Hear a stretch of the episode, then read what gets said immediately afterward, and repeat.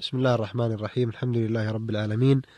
والصلاة والسلام على النبي الأمين محمد بن عبد الله وعلى آله وصحبه أجمعين. ومن تبعه بإحسان إلى يوم الدين.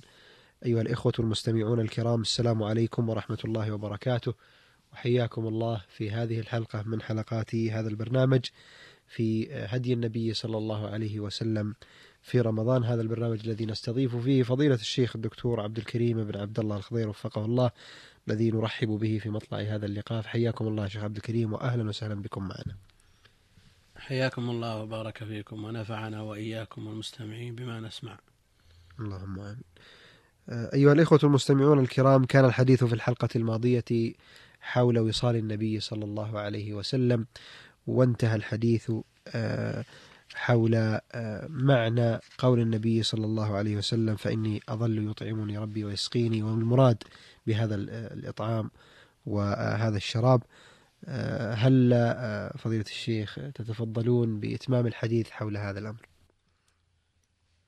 الحمد لله رب العالمين وصلى الله وسلم وبارك على عبده ورسوله نبينا محمد وعلى آله وصحبه أجمعين. أما بعد فقد تقدم في الحلقة السابقة أن الناس ما ذكره ابن القيم رحمه الله تعالى من اختلاف الناس في المراد بالطعام والشراب المذكورين في حديث لست كهيئتكم إني أبيت عند ربي يطعمني ويسقيني وخلاصتها أن العلماء اختلفوا في ذلك على قولين أحدهما أنه طعام وشراب حسي للفم. قالوا هذه حقيقة اللفظ ولا موجب للعدول عنه ثاني أن المراد به ما يغذيه ما يغذيه الله به من معارفه وما يفيض على قلبه من لذة مناجاته وقرة عينه بقربه وتنعمه بحبه والشوق إليه وتوابع ذلك من الأحوال. وأفاض ابن القيم رحمه الله تعالى في تقرير هذا القول وتوجيهه. ثم رد على من زعم أنه طعام وشراب حسي. فقال لو كان ذلك طعاما وشرابا للفم لما كان صائما. فضلا عن كونه مواصلا لأنه إذا تناول طعاما وشرابا حسيا أفطر. يفطر بلا شك لأن حقيقة الصيام الإمساك عن الطعام والشراب.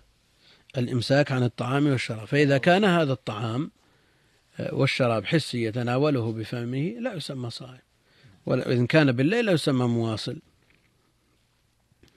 يقول ولو كان ذلك طعاما وشرابا للفم لما كان صائما فضلا عن كونه مواصلا.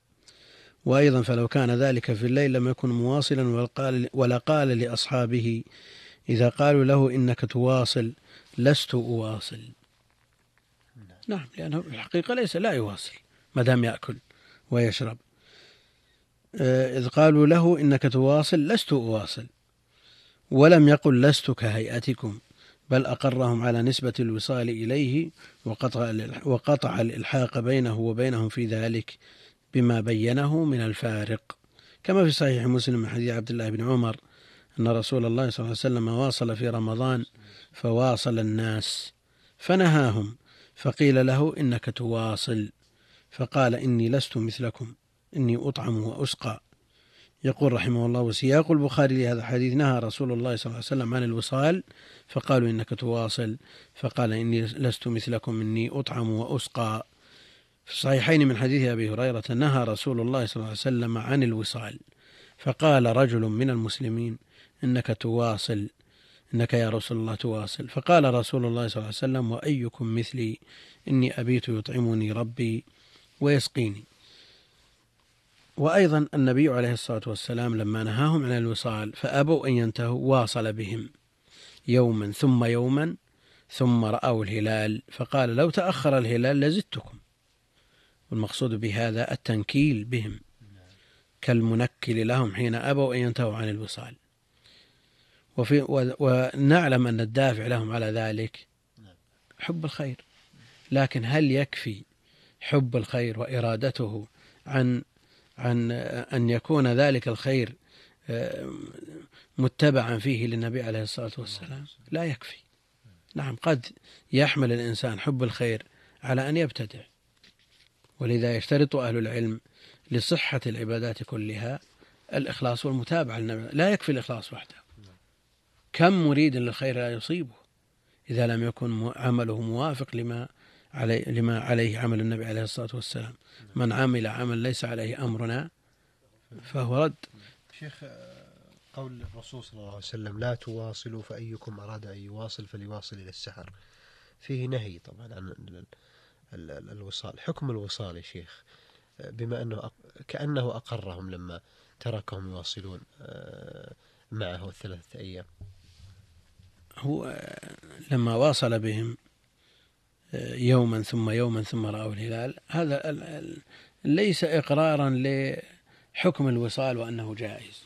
وإن قال استدل بعض العلم على جوازه كما سيأتي. لكنه من باب التنكيل وهذا منصوص عليه في الخبر. كالمنكل لهم. نعم جبرا لخاطرهم. أذن لهم أن يواصلوا إلى السحر. هذا جبرا لخواطرهم. لأنه يشق عليهم أنهم يرون الرسول عليه الصلاة والسلام يفعل فعلا ولا يفعلون مثله. على كل حال يقول ابن القيم فإن قيل فما حكم هذه المسألة؟ وهل الوصال جائز أو محرم أو مكروه؟ ثبت النهي عنه وثبت من فعله عليه الصلاة والسلام. ثبت من فعله عليه الصلاة والسلام وثبت النهي عنه. فثبوت النهي عنه يدل على أن الفعل من خصائصه عليه الصلاة والسلام. والعلة أنه عليه الصلاة والسلام ليس مثلهم. كما أوضح صلى الله نعم. يقول فإن قيل فما حكم هذه المسألة وهل الوصال جائز أو محرم أو مكروه قيل اختلف الناس في هذه المسألة على ثلاثة أقوال. أحدها أنه جائز إن قدر عليه وهو مروي عن عبد الله بن الزبير وغيره من السلف. وكان ابن الزبير يواصل الأيام ومن حجة أرباب هذا القول أن النبي عليه الصلاة والسلام واصل بالصحابة مع مع نهيه لهم عن الوصال كما في الصحيحين. من حديث أبي هريرة أنه نهى عن الوصال وقال إني لست كهيئتكم فلما أبوا أن ينتهوا واصل بهم يوما ثم يوما فهذا وصال بهم بعد نهي عن الوصال ولو كان النهي للتحريم. لما أبوا أن ينتهوا ولما أقرهم عليه بعد ذلك. قال فلما فعلوه بعد نهيه وهو يعلم ويقرهم علم أنه أراد الرحمة بهم والتخفيف عنهم. وقد قالت عائشة نهى رسول الله صلى الله عليه وسلم عن الوصال رحمة لهم متفق عليه. نظير هذا آه، نهي ابن عمر رضي الله عنه أن يقرأ القرآن في أقل من سبع رحمة به. وهذا لا يدل على منع آه، قراءة القرآن في أقل من سبع فإذا كان النهي من أجل الرحمة والشفقة فإنه لا يدل على أن من يطيق ذلك آه، أنه ممنوع من من مثل هذا الفعل. على على ضوء هذا القول. على ما سيأتي إن شاء الله تعالى في حلقات لاحقة في الحديث عن القرآن وفضله وطريقة السلف ومنهجهم في ذلك. وطائفة أخرى آه، تقول لا يجوز الوصال مطلقا وهؤلاء منهم مالك وأبو حنيفة والشافعي والثوري رحمهم الله. قال ابن عبد البر وقد حكاهم عن وقد حكاه عنهم أنهم لم يجيزوه لأحد. قلت الشافعي رحمه الله نص على كراهته واختلف أصحابه هل هي كراهة تحريم أو تنزيح على وجهين واحتج المحرمون بنهي النبي عليه الصلاة والسلام قالوا والنهي يقتضي التحريم. قالوا وقول عائشة رحمة لهم لا يمنع أن يكون للتحريم بل يؤكده فإن من رحمته بهم أن حرمه عليهم بل سائر مناهيه للأمة رحمة وحمية وصيانة. قالوا وأما مواصلته بهم بعد نهيه فلم يكن تقريرا لهم كيف وقد نهاهم ولكن تقريعا وتنكيلا. فاحتمل منهم الوصال بعد نهيه لأجل مصلحة النهي في تأكيد زجرهم وبيان الحكمة في نهيهم عنه بظهور المفسدة التي نهاهم لأجلها. فإذا ظهرت لهم مفسدة الوصال وظهرت حكمة النهي عنه كان ذلك أدعى إلى قبولهم وتركهم له. فإنهم إذا ظهر, إذا ظهر لهم ما في الوصال وأحسوا منه الملل في العبادة والتقصير فيما هو أهم وأرجح من وظائف الدين من القوة في أمر الله والخشوع في فرائضه والإتيان بحقوقها الظاهرة والباطنة والجوع الشديد ينافي ذلك ويحول بين العبد وبينه تبين له حكمة النهي عن الوصال والمفسدة التي في التي فيه لهم دونه آه، دونه عليه الصلاة والسلام. إلى أن قال رحمه الله تعالى والقول الثالث وهو أعدل الأقوال أن الوصال يجوز من سحر إلى سحر وهذا هو المحفوظ عن أحمد وإسحاق. لحديث أبي سعيد الخدري عن النبي عليه الصلاة والسلام لا تواصلوا فأيكم أراد أن يواصل فليواصل إلى السحر. رواه البخاري.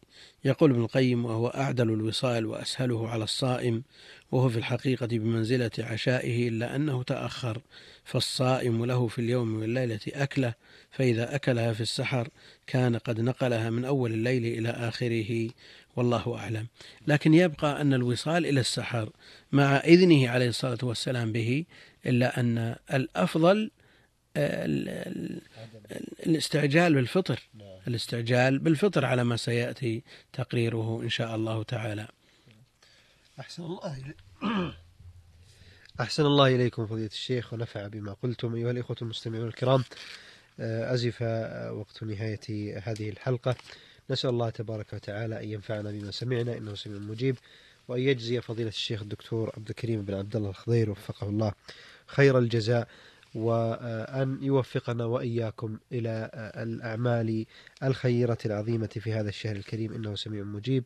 هذا وصلى الله على محمد وعلى آله وصحبه أجمعين.